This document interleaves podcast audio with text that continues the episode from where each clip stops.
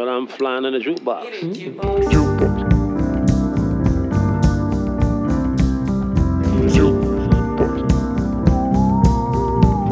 The flying jukebox. Hej och välkomna till den flygande jukeboxen, en podd av, med och för musikälskare. Mitt namn är Patrik Stanelius och jag vet, det var ett tag sedan vi hördes sist. Jag är inte direkt någon pedant, men jag är ändå så pass stor vän av ordning att jag sorterar mina skivor alfabetiskt. Därför vill jag bara säga att det här avsnittet liksom hör ihop med sjoket från i höstas. Jag gillar att göra bokslut. Och inför nästa omgång så lovar jag att det inte ska bli så sporadiska släpp. Det har varit yttre omständigheter som har påverkat. Men bla bla bla nog om det. Väntan har i alla fall varit värd. För i det här pang-avsnittet träffar jag ingen mindre än Britta Persson. Britta förkroppsligade verkligen indie-andan i början på 00-talet när hon satt hemma och knåpade ihop låtar som hon brände på CD-skivor och skickade med gammal vanlig snigelpost till folk som upptäckt hennes musik. Ni som sitter där hemma nu och vet med er att ni fortfarande inte skickat den där 20 till Britta, till er kan jag bara säga att det är dags att ta tag i det nu. Det kallas hyfs. Inte för att det går någon nöd på Britta Persson precis. Hon är ju en fantastisk låtmakare med skivor som Kill Hollywood Me, Current Affair, Medium Rare och If I was a band my name would be forever på sitt CV. Och på senare år har hon ofta synts i sällskap med bröderna Lindgren. Och så släppte hon ju den där skivan för inte så länge sedan. Ni vet, albumet som liksom oblygt hoppar upp bredvid Goddag Goddag och Djurens brevlåda i skivhyllan. Tycker jag i alla fall. Jag pratar om skivan Folk, dikt och toner om personer. Och till alla som tycker att det är helt grymt att höra Britta sjunga på svenska kan jag berätta att förresten det får faktiskt Britta berätta själv. Nu kör vi! Hej Britta! Jättetrevligt att träffa dig idag. Detsamma. Gud vad kul att du kunde komma hit.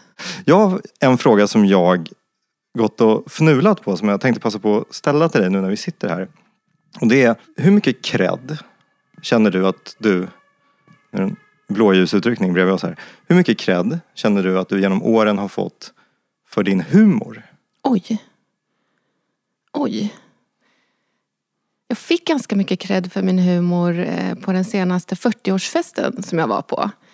När en eh, kompis till mig sa att hon typ levde för mina Instagram stories som jag gör om, om min familj ibland. Okej. Då blev jag jätteglad för att eh, det brukar inte vara så många som eh, pratar om min humor. Nej, eller hur? Och därav frågan. Och jag, nu, jag tänkte så här, tänk om, tänk om det här kommer landa helt fel. Det har inte hindrat mig från att fråga tidigare, men jag känner liksom att det finns ett ganska stort lager av humor i väldigt mycket av I musiken menar du? Ja men i liksom, alltså inte nödvändigtvis i musiken så som den framförs men i, det finns, det är som att väldigt mycket har gjorts med en liksom blinkning eller ett litet så här, är ni med på? Gud, jag blir jätteglad faktiskt. För att eh, eh det ligger mycket i vad du säger. Men jag har eh, inte förrän nu haft någon aning om ifall det landar rätt. För det, ja, nej men jag blir superglad. Det är en jättefin komplimang. Ja, det, jag antar att det ligger en komplimang inbakat i det här. Det var, det var, jag är mest nyfiken, men vad roligt. Eh, för jag tänker, det rör sig från det i mina ögon mer uppenbara som typ dina albumtitlar. Current Affair, Medium Rare. Man måste ju vara en rolig person för att liksom värpa ur sig en sån ordföljd. Ja, eller typ en idiotisk person. För att man måste liksom försöka sitta och förklara och liksom inte ha någon formulerad förklaring utan man kanske kör det på känn. Ja, men då är det så här, "Äh, jag vet inte." det är, Alltså i min värld så är det roligt. Ja, bra. Men sen så är det också liksom, det finns ett engelskt ord som heter deadpan. Som jag inte riktigt vet vad den svenska översättningen är. Men det är i princip att man liksom gör allting med, nu gjorde jag en sån här, eh, det här är inte bra radio men, eller podd, men jag gjorde en gest där jag drar handflatan över ansiktet och ingenting förändras i mitt minspel. Och det är det jag menar med liksom lite av en, en, en blinkning. Eller liksom, det finns någonting torrt om man tittar på dina videos till exempel. Så när du dansar i eh, Meet the Bear eller Grunge Girls så liksom din kropp berättar en annan historia än, än ditt ansikte och dina ögon. Åh gud. Ja, alltså det är ju... Det som du säger är ju liksom, det är till hälften genomtänkt och sen till hälften bara för att jag är så jävla stressad i en sån situation. Okej. Vad säger du om att vi eh, kastar oss in i musiken? För det är ändå det vi brukar göra i den här podden. Jag vet.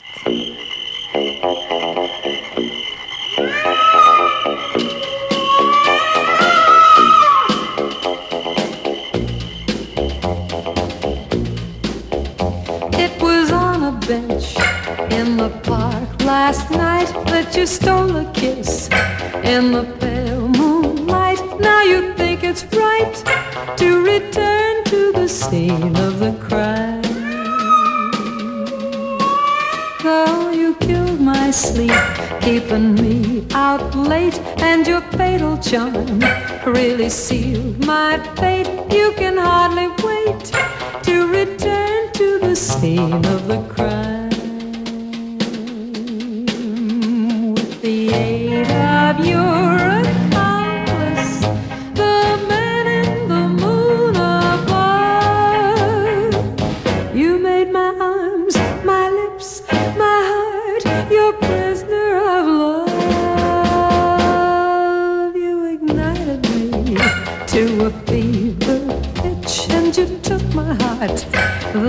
Result of which is you simply itch to return to the scene of the crime.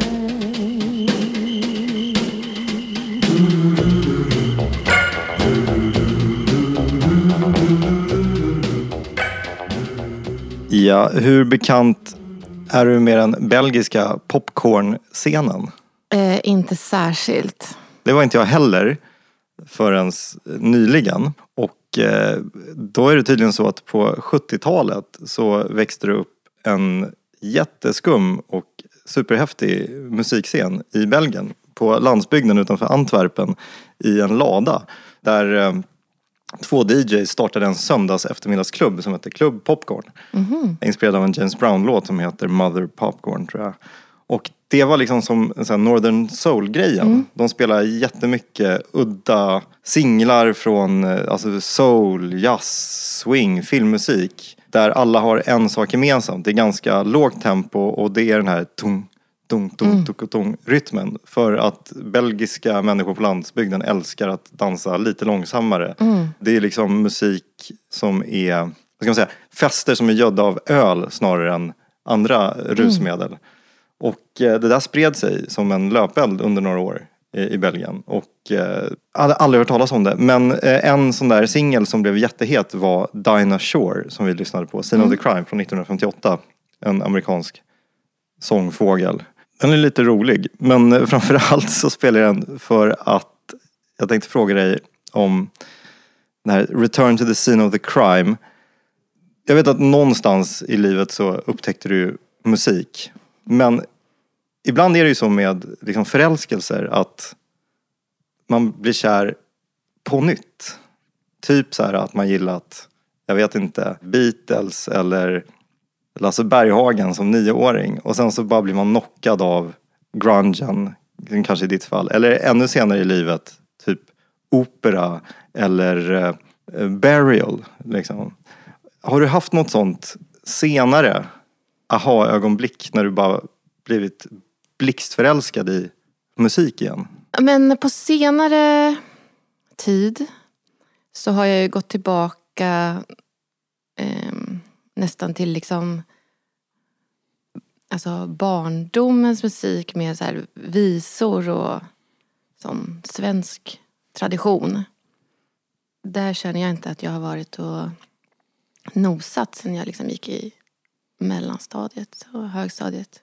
När jag sjöng i kör och sånt där. Jag har liksom haft ett stort eh, hat mot körmusik sen, eh, sen jag blev tonåring. Jag höll på med det väldigt mycket innan. Och sen när jag blev tonåring så började jag spela i band och sådär. Och eh, kunde inte tänka mig mm, att hålla på med till exempel kör. Det gör jag fortfarande inte men jag längtar efter dem liksom. Den sortens stämföring och sådär. Jag, har det i mig och jag har liksom nu när jag är runt 40 låtit det få komma ut fritt liksom. Men du säger var och nosa. Var det ändå så att du egenhändigt sökte upp musik som skulle passa i körsammanhang under tiden som du sjöng i kör? Eller var det mer att du blev liksom matad Jag blev grejer? matad. Ja. Och nu börjar du grotta ner dig och förkovra dig mer på egen hand? Ja, precis. Ja. Man har väl fått liksom svensk visa från massa olika håll. Ja. Men man känner, jag känner ju tydligt när man lyssnar på olika mm, gamla grejer att, man, eh, att det känns tryggt. Mm. Och det är så skönt. Och sen när man ska på utflykt då kan man ta andra genrer. Men har du haft något sånt här ögonblick där du bara helvete, världen måste få höra det här. Jag måste, jag måste starta en piratradiokanal på en båt typ och bara blasta det här på alla frekvenser för att det är så Oj, himla... oj, oj. Nej, alltså. Jag eh, känner mig alltid så lite utanför. Som att jag är lite sen på bollen. Mm. Så jag är inte den som hittar helt nya grejer som ingen har hört. Mm. Nej, men det behöver inte vara så, men jag bara tänker för din egen del. Och visa, det är ju svårt att vara tidig på bollen. När man är född på 80-talet. ja. ja, det är det. Men okej, men vad är det som har snurrat i din inre musikspelare på sistone? För att jag, jag får ju sådana nästan besattheter av eh, vissa grejer som jag hör. Att det kan vara behagligt. Och du vet, folk pratar om så här öronmaskar eller vad man ska säga. Alltså så, låtar som, inte, som, man har, som man får på hjärnan helt Ja. enkelt. Och vissa sådana där, eh, det kan vara, för mig kan det bara vara strofer som snurrar runt. Men att det är väldigt behagligt. Att de upptar en, en välkommen plats Ja, i skallen och öronen. tråkigt att jag är så otroligt dålig på namn och sådär. Att jag liksom inte har något som helst minne. Men det fastnar ju ofta grejer och då är det så här melodier liksom och vändningar och sånt som Mm. jag går och bearbetar. Så brukar det ju vara. Ganska mycket. Kanske kommer på något senare. Vi får se.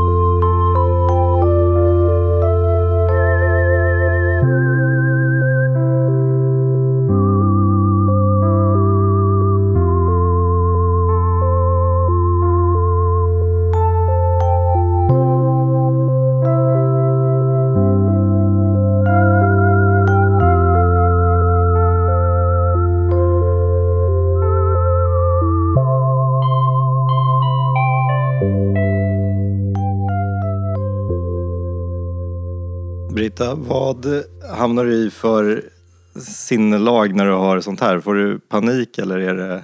Nej, jag Tvärtom. vill typ ta ett bada badkar känner jag. Vad härligt. Ta ett glas vin. Men eh, är det nytt eller? Det här är nytt. Ja. Det här är en, en artist som kallar sig för Greenhouse. Eh, hen heter Olive Ardizoni och bor i LA. Och eh, det här är ett i en rad behagliga ambient-album som eh, Greenhouse har släppt på ganska kort tid. Som heter Music for Living Spaces. ja.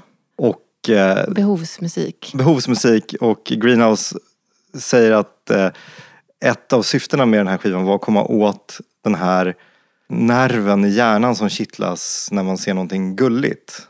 Och eh, han målar upp en bild av hamstrar som dansar synkroniserat på en äng eh, som ett av spåren på den här skivan ska tonsätta. Jag vet inte om jag personligen känner så mycket gullkänsla jag, utan det är mer liksom behag. ja. Jag blir också alltid impad av eh, musik som inte begär så mycket. Alltså som, ja, men som fyller ett behov. Alltså att folk eh, har mod att göra sån musik. Liksom, utan text, utan sång. Bara liksom en stämning. En, så här, en och samma stämning genom en hel Mm. bit. Typ som Thomas Ledins låtar att älska till. Behovsmusik. Nej men, eh, och eh, då tänker jag så här att om man kollar på ditt artist-CV utifrån Ja. så finns det ju som ett glapp Mm. Efter Forevers fram till liksom vissa nedslag. Och nu pratar jag bara utifrån ett, ett lyssnarperspektiv. Eh, I princip fram till eh, folk. Och sen så vet ju vi som lyssnat på intervjuer med dig och kanske liksom har andra öron mot andra spår att det är inte så att du åkte på liksom sju års sabbatsår i princip. Men om man ser liksom musiken som någon sorts växthus och du är en liten trädgårdsmästare som går runt och fingrar så kan man ju liksom bli nyfiken på så här, hur har du hur har du kultiverat det där under tiden som Britta Persson pop-snillet tagit en paus? Ja, nej men jag lät eh, det ligga i träda. Det var jätteskönt att liksom börja om. Och det var jätteskönt att lägga ner. Det var inte så här att, som att jag officiellt la ner men jag gjorde det för mig själv. Liksom, att så här, nu skiter jag i det här, jag bryr mig inte. Och det var så otroligt skönt för då hade jag ändå brytt mig om eh, musiken som ett yrke eller identitet i, vad var det, 10 år eller 15 år. Alltså en lång period. Ända sedan jag hade blivit vuxen ordentligt liksom och flyttat till Stockholm och sådär. Eh, tills jag var då, ja, någonting, vad blir det, 30, ja men lite över 30. Och jag var så jävla trött på det. Så det var så otroligt skönt faktiskt att skita i alltihopa. Vi satt och pratade lite innan eh, inspelningsutrustningen åkte på. Så bara sa du i förbifarten att jag kan bli så trött på musik. Ja. Och jag får en känsla av, har du sett eh, eh, The Usual Suspects? Vad heter den på svenska? De misstänkta. Ja, Då säger de eh, eh, djävulens främsta trick var att övertyga världen om att han inte längre existerar. ja. Och om man ska transplantera det på din situation så alltså får jag lite av en uppfattning av att så här det bästa någonsin du kunde ha gjort för din egen musik och liksom det, din kreativitet eller ditt skapande var att så här, ja men typ halvt signalera till omvärlden att så här, jag är färdig. Och sen när ingen längre har ögonen på dig så så här, okej nu sätter jag igång och Ja. gör grejer på riktigt. Exakt så var det känslan. Fast det var ju kanske inte så planerat Nej. som du eh, berättade. Men, men så blev det faktiskt. För att vi började med den här eh, skivan då som heter Folk, dikt och toner eh, om personer. Jag tänkte säga för personer. Men om personer. ehm, I hemlighet eller vad man ska säga. Och att den fick ta sin tid. I alla fall två, tre år. Det har väl alla skivor gjort hittills. Men att det var liksom ingen som väntade på den. Och det var ingen som ville jobba med den. Alltså det var ingen som jag... Jag, jag behövde inte fråga någon. Så här. Ja, jag hade helt enkelt inget eh, skivbolag eller förlag eller musikanter som väntade på mig. Det var asskönt. Och sen som sagt, alltså, det är inte som att du varit fullständigt anonym heller. Jobbat jättemycket med bröderna Lindgren Ja. och gästat eh, Patrik Arves eh, Just det. dancehall eh, eh, projekt Tiger Sound System och väldigt spänstiga inhopp där också, Mm. man säga. och sen så har du också kunnat försörja dig på musiken på sätt som folk liksom inte tänker på. Nej precis, jag har gjort lite musik till eh, någon- ett par dansföreställningar och teaterföreställningar och så. Mm. Det är där pengarna finns. ja, exakt. Jag har jobbat med både det ena och det andra. Typ Uber-förare och Typ. Ja. Bra. Alltså när jag hörde av mig till dig så försökte jag eh, hänga ett lockbete, eller något av ett lockbete framför ögonen på dig. Jag eh, namedroppade Propaganda 2005. Just det. Som är alltså en av de, om man kollar på startfältet så är det liksom i, ur indiesynpunkt en av de bäst befolkade startfälten i musikhistorien. Det är liksom helt sjukt bra namn. Det var så här Tough Alliance, Isolation Years, Silver Bullet, Jens Lekman, eh, Britta Persson, Paddington DC. Jättemånga, många liksom Men det är, där vi kom, det är där som är så konstigt. För nu kommer vi tillbaka till mitt Ja. minne som tydligen inte finns. För att jag eh, kommer inte ihåg. Nej, Men då så började du prata om, eh, vad heter det, Stora Skuggan? var det mm? Ja. precis. Och hur var propaganda då? Alltså det måste varit uppdelat på väldigt många scener Mm. och Och jag tror att det var en gratis festival också. väldigt många dagar. Ja. Ja, ja det var För att typ min tre känsla av liksom hela musikbranschen, och då inkluderar jag propaganda, Mm. är jag fick aldrig vara med. Okej. När- så när du säger så här, ja, kommer du ihåg den här spelningen på propaganda? Då, då känner jag, nej, det gör inte jag. Men eh, jag eh, vet också att det mycket väl kan vara så att jag spelade på propaganda. För att ditt svar till mig var att eh, du skrev så här. Det var nog under min ensammaste period. Jaha. Ja, men det var när vi hade, vi hade, vi pratade lite fram och tillbaka om och kom fram till här, ja, men jag kanske ändå har Ja. spelat under propaganda då. men då var det, apropå liksom humor och stoneface och stress, så var det kanske än värre på den tiden när jag liksom började spela. Så om det här var 2005 Mm. så var jag ju helt ny liksom på Mm. Det är den här vännen som du sitter och bränner CDR, Exakt. Och eh, eh, skickar till folk. Ja, Personlig service. ja verkligen.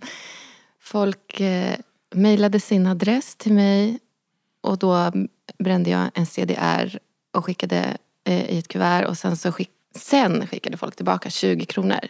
Så att jag hade liksom ingen koll på betalning eller någonting men det var ändå underbart att gå och hämta posten och bara få en massa Mm. 20-lappar. Och det är ju exakt det här som eh, Ken Ring både får ganska mycket cred för och sitter och sk- skryter, alltså inte oförtjänt, men i eh, SVTs väldigt välproducerade dokumentärserie Den svenska hiphopens pionjärer så, eh, jag vet, och jag vet inte om du har kollat på den eller inte, men i avsnittet som handlar om liksom, därför det handlar om den svenska hiphopens födsel, uppgång, fall och återfödelse. Och i avsnittet som handlar om fallet, när ingen längre, alltså Petter står och spelar inför 15 pers på en pizzeria i Målilla typ. Eh, Så sitter Ken och säger, ja men du vet jag började ju bränna skivor själv och så här, sälja till folk. Folk kunde ringa mig. Och då tänkte jag så här, Britta Persson. Ja. Alltså det är, jag sålde alltså 2000 stycken. Ja. Ja, och så var det med det. Det kan faktiskt fortfarande, nu är jag typ aldrig ute på krogen, men om jag går ut på krogen, då kan det fortfarande komma fram folk och eh, liksom ha lite dåligt samvete och bara, kan inte jag få köpa en öl till dig? För att det är så här att jag, jag beställde en skiva och sen glömde jag skicka de där 20 kronorna. ja. Det är ju jättekul. Och i dagens penningvärde, då är vi kanske uppe i mer än det dubbla. Mm, precis, en bärs helt Mm, enkelt. en bärs. Mm. Ja, det är rimligt. Så du går alltid hem rund om fötterna de gångerna du är på krogen. Mm. Bra. Det jag ville komma till med hela den här eh, propagandahistorien, det var inte att eh, dels gaslighta dig till att tro att du gjort någonting som du kanske inte har gjort. Eh, men jag tror verkligen att du var där. Eller liksom mi- få dig att minnas de dåliga tiderna. Utan jag vill istället rikta strålkastaren mot vad jag anser är en av höjdpunkterna i den moderna indiepoppens historia. Som du har ett finger med i. Oj. Mm.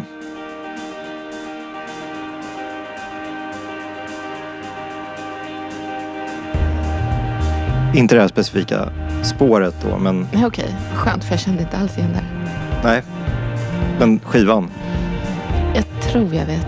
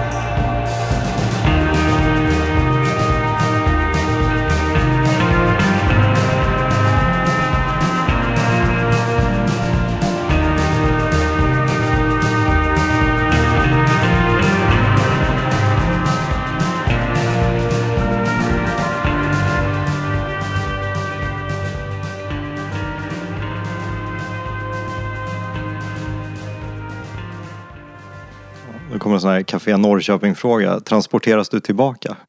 Ja, det gör man ju verkligen. Ja. Det var Camera Obscura. That's right. Eh, spåret heter Razzle Dazzle Rose. Eh, sista låten på skivan Let's Get Out of This Country från 2006. Mm. Producerad av Jari Happalainen. Exakt. Och det, det är här som eh, jag tycker... Alltså, hans namn har dykt upp några gånger tidigare i den här podden. Och då så nämns det i samma andetag som ord som typ luftigt eller jättebra. Men när jag, när jag lyssnar på det här nu så inser jag liksom att det är i princip, förutom på trummorna, så är, man hör ju liksom nästan bara efterklanger. Det är som att du kliver in i ett rum där musiken har hänt och så är det bara liksom skugg, ljudskuggor, kallas för ekon, kvar. Mm. Nästan som att du, rattar in den här trumpeten, det här blåset på någon liksom gammal Mm. radio och lyckas få in en svag signal. Och, och samma sak med körerna och sången. Det är så himla säreget. Mm.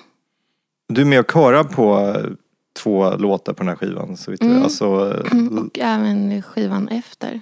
precis. Berätta, hur blev du indragen i det här? Nej, men det var Jari som frågade.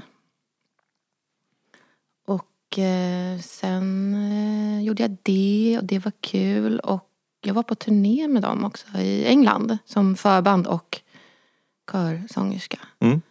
Sen bodde de hemma hos mig några stycken när de skulle spela in nästa skiva som jag var med på också. Den här My Just Career. Mm. Också jättebra. Mm. Verkligen. Det var jättekul att vara med på en sån lite större inspelning med, alltså i ja, lite olika studios och med mycket, mycket musiker. Mm. Det känns ju också som en tidskapsel tycker jag. Att Mm. lyssna på det här. Alltså där någonstans 2009-2010 så känns det som att det är ju inte så knivskarpt såklart. Men där tog en era slut. Mm. Det här lite nonchalanta sättet försvann. det nonchalanta sköna sångsättet. Ja, och banden försvann. Det har vi Ja. pratat om tidigare Mm. också. Jag snackade bland annat med Adam Olenius om det. Att liksom, om man kollade på typ festival-lineups 2007, 8, 9, 10 så var det jättemycket band. Och sen typ 20, Way Out West 2012, 13 så blir det mer och mer soloartister. Och jada, Just jada. det. Nu- Men eh, Precis. var det, jag bara tänkte så här, eftersom du ändå liksom rört dig i de här kretsarna och i, eh, alltså praktiskt taget varit med och gjort den här musiken. Var det någonting folk snackade om? Att så här, fan, det här, är inte, det här händer inte längre eller vi måste byta jobb eller, eller var det bara en organisk process så som saker och ting är i den här världen? Att det är liksom en cykel tar slut och en annan börjar. Jag har liksom aldrig varit med i något gäng eller någon sån scen eller rörelse som har känt att så här, fan vad det går bra. Vad vi får plats nu. Vi, Vi som sitter hemma och Vi slickar har- frimärken. precis. Vi som har olika band får spela på alla festivaler och så. Jag har inte varit med där.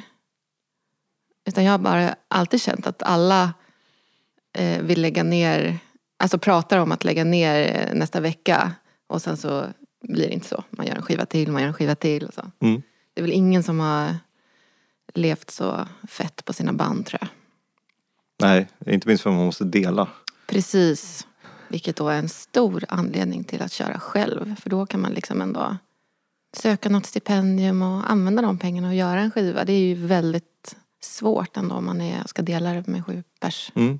Men hur låter det då om vi typ backar bandet till eh, till exempel 2012. Du sitter i studion och försöker knåpa ihop eh, Baby No Name och sådär. Och eh, bollar du med de övriga musikerna som om de vore likvärdiga bandmedlemmar eller är det i slutändan så att du i det här läget säger, vet du vad, jag skiter i din åsikt för att det här är min låt och min musik och du är bara inhyrd eh, muskel. Fast det var ju ändå folk som du Ja, alltså jobbar tajt med. Per Nordmark som spelade trummor med mig alltid förut. Han var ju min eh, stående bandmedlem. Liksom. Vi hade ju ett nära samarbete. Ehm, Den där sista skivan som jag kallar det, alltså innan min paus. Där var det liksom lite ehm, svårt ändå. Alltså eh, med eh, ja, men hur musiken skulle jobbas fram. Alltså det var inte min skönaste skivinspelning. De skivorna innan, det var väl tre stycken innan. Där har det varit mer liksom bandkänsla och alla, alltså det har varit en, en eh, positiv skivinspelning. Den eh, sista skivan den var liksom, många ville mycket olika saker och jag kände mig nog ganska pressad. Det är så jag tänker på den skivinspelningen.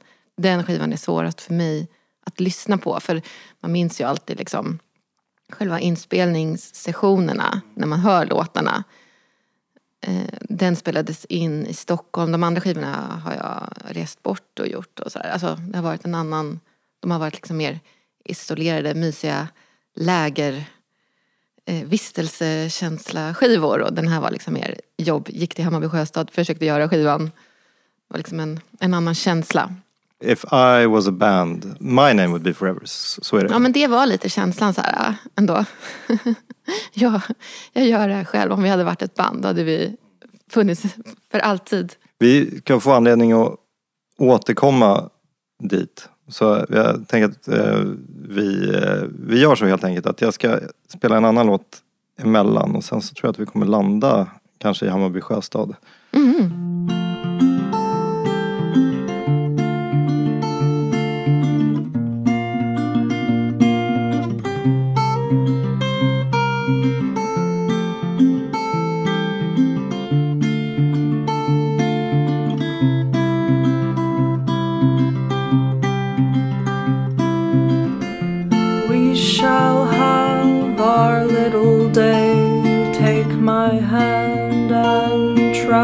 still. Round and round the little way. Up and down the little hill. Oh, it is good to love again. Scan the renovated skies. Dip and drive the idling sweetly tinned the paling lights. Trace the dripping, pierced heart. Speak the fair, insistent verse. Vow to God and slip apart. Little better, little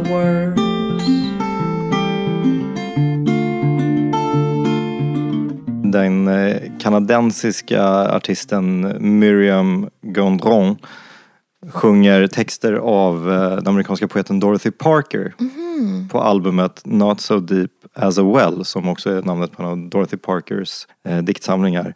Och eh, jag har inte läst någonting av Dorothy Parker. Jag visste faktiskt inte ens att hon var poet och författare när jag hörde Prince sjunga The Ballad of Dorothy Parker. Som är det här eh, lite skeva avslutningsspåret på A-sidan på den skivan. Men eh, det var faktiskt hon som var med och skrev manus till den första versionen av eh, A Star Is Born, musikalen. Från 37 som Lady Gaga och Bradley, ja. Men eh, ja, jag tycker den här skivan är jättefin. Och hon har gjort någonting som du också har gjort. Just det, Du säger- tonsatt. Tonsatt andras texter. Och du var inne på det lite eh, nyss när vi satt och snackade. Eh, om hur du jobbade med eh, folk. Mm. Texterna är skrivna av Lisen och Emma Adebåge. Och det här har ju du eh, säkert suttit i typ Babel och Kulturnyheterna och Nyhetsmorgon och allt möjligt pratat om tidigare så vi behöver inte tröska exakt samma fält. Men det jag är nyfiken på är, ser du orden och hör hookarna direkt? Eller liksom, hur, har du internaliserat texterna och gått runt och liksom så här eh, Susette, Susette eller du vet, Nej, vet du vad? Det är faktiskt eh, första idén på alla låtarna. Så Ja. är det det första som dök upp, som blev. Det var som någon sorts, eh, vad säger man, alltså en, en metod helt enkelt. Att jag gjorde alla låtarna jättefort och jag fick inte öppna datorn förrän den var klar. Mm. För att eh, jag tycker man kan fastna i detaljer. Eller jag gör det snabbt och eh, det blir en annan process. Så ehm, det är nog ett eh, liksom undermedvetna val. Alltså, ja. Mm. För jag bara, jag minns, det var, jag tror faktiskt att det var när jag hörde Kroppens psalm första gången som jag insåg att så här, och just det, Britta Persson lever fortfarande. Det vore jättekul att, att träffa henne i, i det här sammanhanget. För att, för mig var det helt främmande att det skulle vara någon annan än du som också eh, skrivit texterna. Det, det funkar så bra. Ja, det är många som har trott att det var jag som skrev texterna och blivit väldigt förvånade att det inte är mina texter. Men nu när jag har sjungit dem så mycket så känns det ju som mina. Nu glömmer jag nästan bort att det inte är jag som har gjort dem. Alltså man kan ju säga så här, det är dina låtar. Det kan man säga. Vad, eh, vad innebar det här för dig då? Är det, fick, insåg du att så här, okej, så här kommer jag typ jobba en tid framöver? Jag har hittat min grej eller var det liksom en skön Nu, eh, eh, palettrensare? Ja, det var ju... Det kommer ju lättare till mig. Musiken kommer ju lättare än texterna. Men nu håller jag på att göra en ny skiva där jag, har gjort, där jag gör texterna själv. Så att eh, jag har ju gått tillbaka till att sitta och knega med orden. Men det var därför jag kunde göra den där skivan så snabbt. För att jag fick liksom texterna serverade på ett fat. Och jag eh, de är så självklara de texterna så det finns liksom ingenting att tycka till om eller tillägga. Eller liksom, jag bara tog dem som de var och körde. Det är inget fluff mellan Det är noll fluff. vad har de hört av sig från förlaget och så här, Britta-effekten? Boken bara flyger från hyllorna. Eh, Det vet jag inte, jag skojar. Men, Jag tror boken går ganska bra. Det går ju, de säljer ju eh, mycket av alla sina böcker tror jag. Systrarna Adbåge. Och sen har jag lite kontakt med deras förläggare också. Om andra grejer. Men sen så fick ju skivan fick ju nästan mer uppmärksamhet i media än boken. Det var liksom kul även för dem. att jag var med på projektet. ja, men, och det var ju också, ett, alltså, vad ska man säga, ett utropstecken för folk. Helt plötsligt så står det där program i skalan Just och det. tar emot pris i barnkategorin. Och då är det så Just här, det. ah, Britta Persson. Ja. Kul. Och Petter Wimberg känns Ja. ju extremt eh, viktig också i allt det här. Verkligen. Ja, nej, han var ju guld i den där processen. Det är så kul. Alltså det är så slumpartat hur en skiva blir till ändå. Alltså, det hade kunnat bli någon annan som Mm. gjorde skivan men nu blev det Petter och det blev så himla bra. Och nu vill jag bara ta fasta vid en grej som du sa. Det finns alltså nyskriven Ja, Britta Persson-musik. på försöker komma till skott. Och, alltså den, vi har inte kommit igång och spela in den än. Utan, men det finns musik. Den finns. Den, den svävar runt i luften. Den Mm. finns inte på band. Och vad rör vi oss i för eh, musikalisk värld? Vi rör oss i eh, en fortsättning på skivan Folk. Det, det låter inte exakt likadant som tur är. Men det är absolut en uppföljare till den skivan. Mm. Målgrupp barn i åldrarna 0 till 100. Ja, precis. Får man göra lite reklam eller? Ja, naturligtvis. Vi ska spela på Orionteatern helgen 13 till 16 maj. Och då ska vi spela några låtar från folkskivan och några nya är tanken. I en skog ska vi spela. Och vad roligt. Mm. Håll utkik efter det, helt enkelt.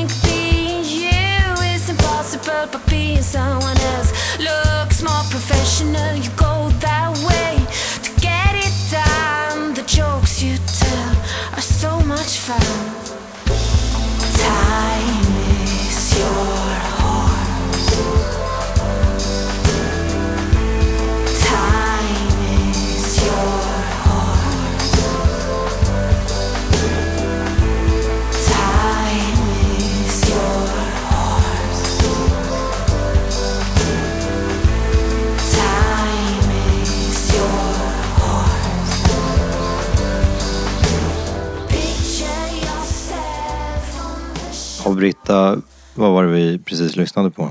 Nu var det en låt som heter Time is your horse med Britta Persson. Från albumet If I was a band, my name would be Forevers. Yes. Ja, jag tycker det här är en superduper låt på ett jättebra album. Hur känner du själv när du hör den? Nu lyssnade inte vi på hela låten. Nej, det men var sjukt länge sedan jag hörde den. Nej, men jag tyckte det lät, eh, det lät bättre än jag trodde. Får man säga det? Mm. Ja. Det är många av mina låtar som är lite sådär självhjälpsaktiga texter. Alltså, ja, i det här fallet då att man liksom man kan bara vänta. Man kan se tiden som en häst som för en framåt så bara saker kommer landa. Mm. Och det betyder ju kanske inte så mycket för någon som är 10, 15, 20 år yngre. Men eh, när man levt så betyder länge något. som vi har. Jag ser på det, det betyder något för Ja. dig. ja, men det, absolut. Och sen och, och, om vi då pratar om musiken också så är det ju komplexitetshopp från album till album. Och eh, om man kollar på så här Current Affair Medium Rare som är ett asbra gitarrbaserat det. med andra instrument också, indie Det är album. lite rockigare. Mm. Så gör det någonting väldigt annorlunda på Mm. den här skivan. Precis, det, så där har jag ju gjort hela tiden. Fast ändå kanske inom min lilla, lilla box. Så har jag liksom ändå bytt sida. För att jag har behövt det. För att överhuvudtaget hitta någon eh, liksom, anledning att göra musiken. Eller att man vill ha kul själv när man gör den. Och man vill utforska nya områden. Ibland så tänker jag att det har blivit spretigt. Men jag tror också alltid att man hör att det är jag som är avsändaren. Ibland kan jag liksom känna att det var kanske dumt eller vad man ska säga. Eller avundsjuk är för starkt ord nu. Men att man kan ändå avundas de som har hållit en linje och bara kört, blivit bättre och bättre på sin lilla, lilla grej. Och fått fler och fler fans. Verkligen byggt liksom inom en genre. Men alltså jag har behövt byta ganska mycket. Men sen så är det svårt att prata om sin egen musik för att jag antar att jag, andra skulle säga att det har väl varit ganska mycket samma. Nej, det tycker jag verkligen genre. inte. Nej. Alltså tvärtom så, och det är också lite det där som jag tycker att så här, humorn som vi pratade om tidigare kommer in. Inte nödvändigtvis humor men eh, självdistans. Mm.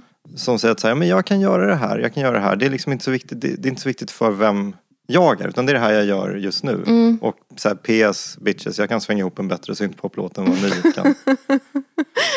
Ja, det var exakt så jag tänkte. Eh, men min, eh, liksom, eh, eh, det som är bra med mig är att jag är så jävla dålig på musik och så jävla bra på musik samtidigt. Att jag liksom, jag blir inte bättre. Jag föddes så här musikaliskt sett. Och sen håller jag på att utforska lite olika områden. Det är så jag känner mig. Jag blir liksom aldrig, jag blir aldrig skolad. Hur mycket jag än håller på så drömmer jag fortfarande mardrömmar om liksom att jag inte kan, eh, att det blir så här glapp i sladden och hur ska jag ta mig ur det här och nu tog jag fel ackord och då kommer jag inte tillbaka till låten. Typ sådär håller jag på. Det blir liksom... Du håller dig på tårna kanske också. Precis, det jag menar. Det är också eh, en, en, vad heter det?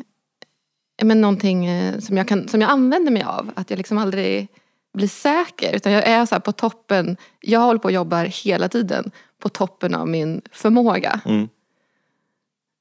Jag blir aldrig säkrare än det här. Fast jag, jag är så här, eh, vad heter det, envis. Jag liksom kämpar på. Och så, så råkar det bli jävligt bra Ja precis, det låtar råkar på bli bra.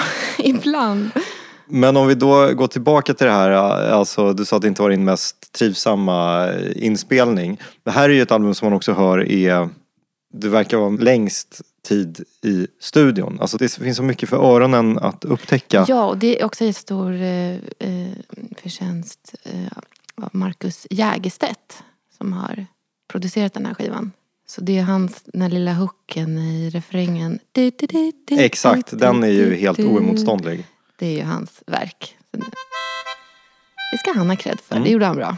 Det gjorde du verkligen bra Marcus. Jag tycker att vi tar en tripp eh, långt Yes. bort. Det här är så lyxigt att få ta en tripp.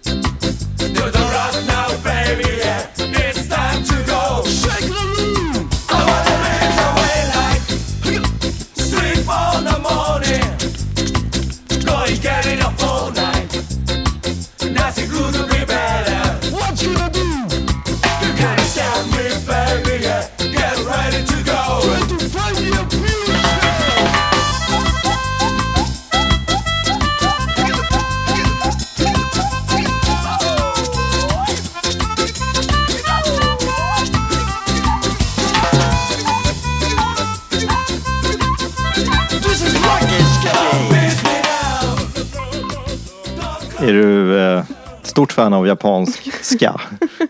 Det är så kul att du väljer att spela den här för mig. Jag har utlyst eh, baktaktsförbud här hemma. Okej, då hoppas jag att ett undantag gäller för tillfället. Vad, vad, du, Jag fattar inte ska.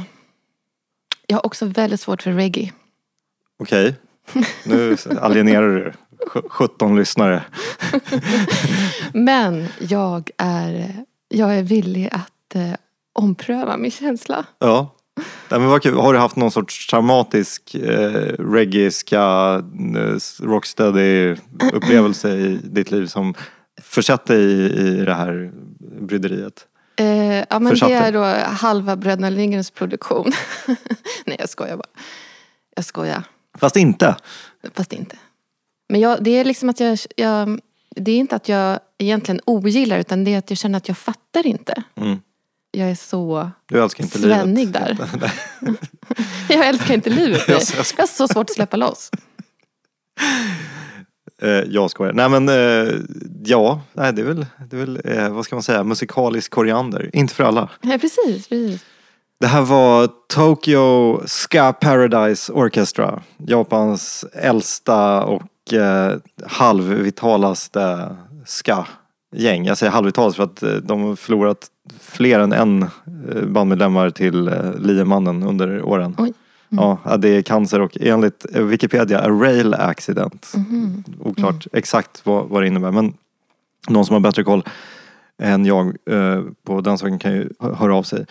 Scummy Crazy, jag upptäckte det för jag hade någon sån live-DVD från festivalen Bonnaroo som eh, är någon, alltså en sån här riktig hippie bonläpps lerfestival i Tennessee. Där de här spelar den här låten och eh, det var typ, de säger i början så här We play fast music. Och sen så bara kör de och jag, det, alltså, jag älskar det. Men varför spelar jag det här för dig Britta? Jag, Inte för att provocera utan du har ju träffat Yohio. Men gud, ja. Det har jag. Vi bytte inte många ord. Och det här var i eh, SVT-programmet Moreus med mera. Mm. Och det här säger jag med all välmening och kärlek. Han, eh, och han lever ju fortfarande, bara att han typ enkom är verksam i Japan just nu. Men är helt unik i sin konstighet och hängivenhet till det han gör. Jag liksom pausade videon vid något tillfälle och då sitter han och kollar rätt in i kameran. Då ser, då ser man att han är sminkad med liksom svarta, eller någon sorts kontur i ansiktet. Så han verkligen ser ut som en seriefigur. Mm. Och det, alltså det är ingen i detta avlånga land som vi kallar Sverige som gör alltså Nej. något sånt som är så bara unikt Men det är väl un- underbart med alla som liksom utvidgar vad vi gör i det här avlånga landet. Ja. Lite grann. Det uppskattar jag honom för. Ja. Och han är riktigt grym på att shredda på gitarren. Mm. Men okej, så att ni, ni bytte inte många ord. Men Nej, vad... men tyvärr var det en väldigt regnig dag. Och alla hade en varsin husvagn som loge. Så att den enda gången jag liksom pratade med någon överhuvudtaget var under den där konstiga middagen. ja. Och jag, var där, jag hade en egen husvagn. Så det är så konstigt att vara så här soloartist ibland. För att det, det är så otroligt konstigt att sitta tyst ensam i en husvagn och sen gå ut och försöka liksom vara social på beställning. Alltså, det har ju eh, aldrig gått så bra. Så jag har tyvärr inget att säga om hur han är. Nej. Jag har inte tänkt på honom på länge. Nej, man har inte det eftersom Nej. han eh, faktiskt eh, gör sin grej på andra sidan Mm. jorden. Vi har pratat en hel del om eh, folkskivan och jag undrar, när ni gjorde den, Mm. visste du att ni hade fått till en evergreen? Ja. Nu får vi se om den blir det. Men liksom känslan var så här. Det här blev så jävla bra och självklart för vad det är. Mm. Ingen kan säga någonting annat. Nu ska den ut. Det var liksom, så, sån var stämningen under hela processen. Det är den enklaste skiva jag har gjort. Och på det här evergreen-albumet så har du ju också en anthem. Nu är det mycket låneord här. Men alltså en, en låt för alla årstider, alla sammanhang. Som jag tänker att vi ska avsluta den här stunden med att lyssna på. Det finaste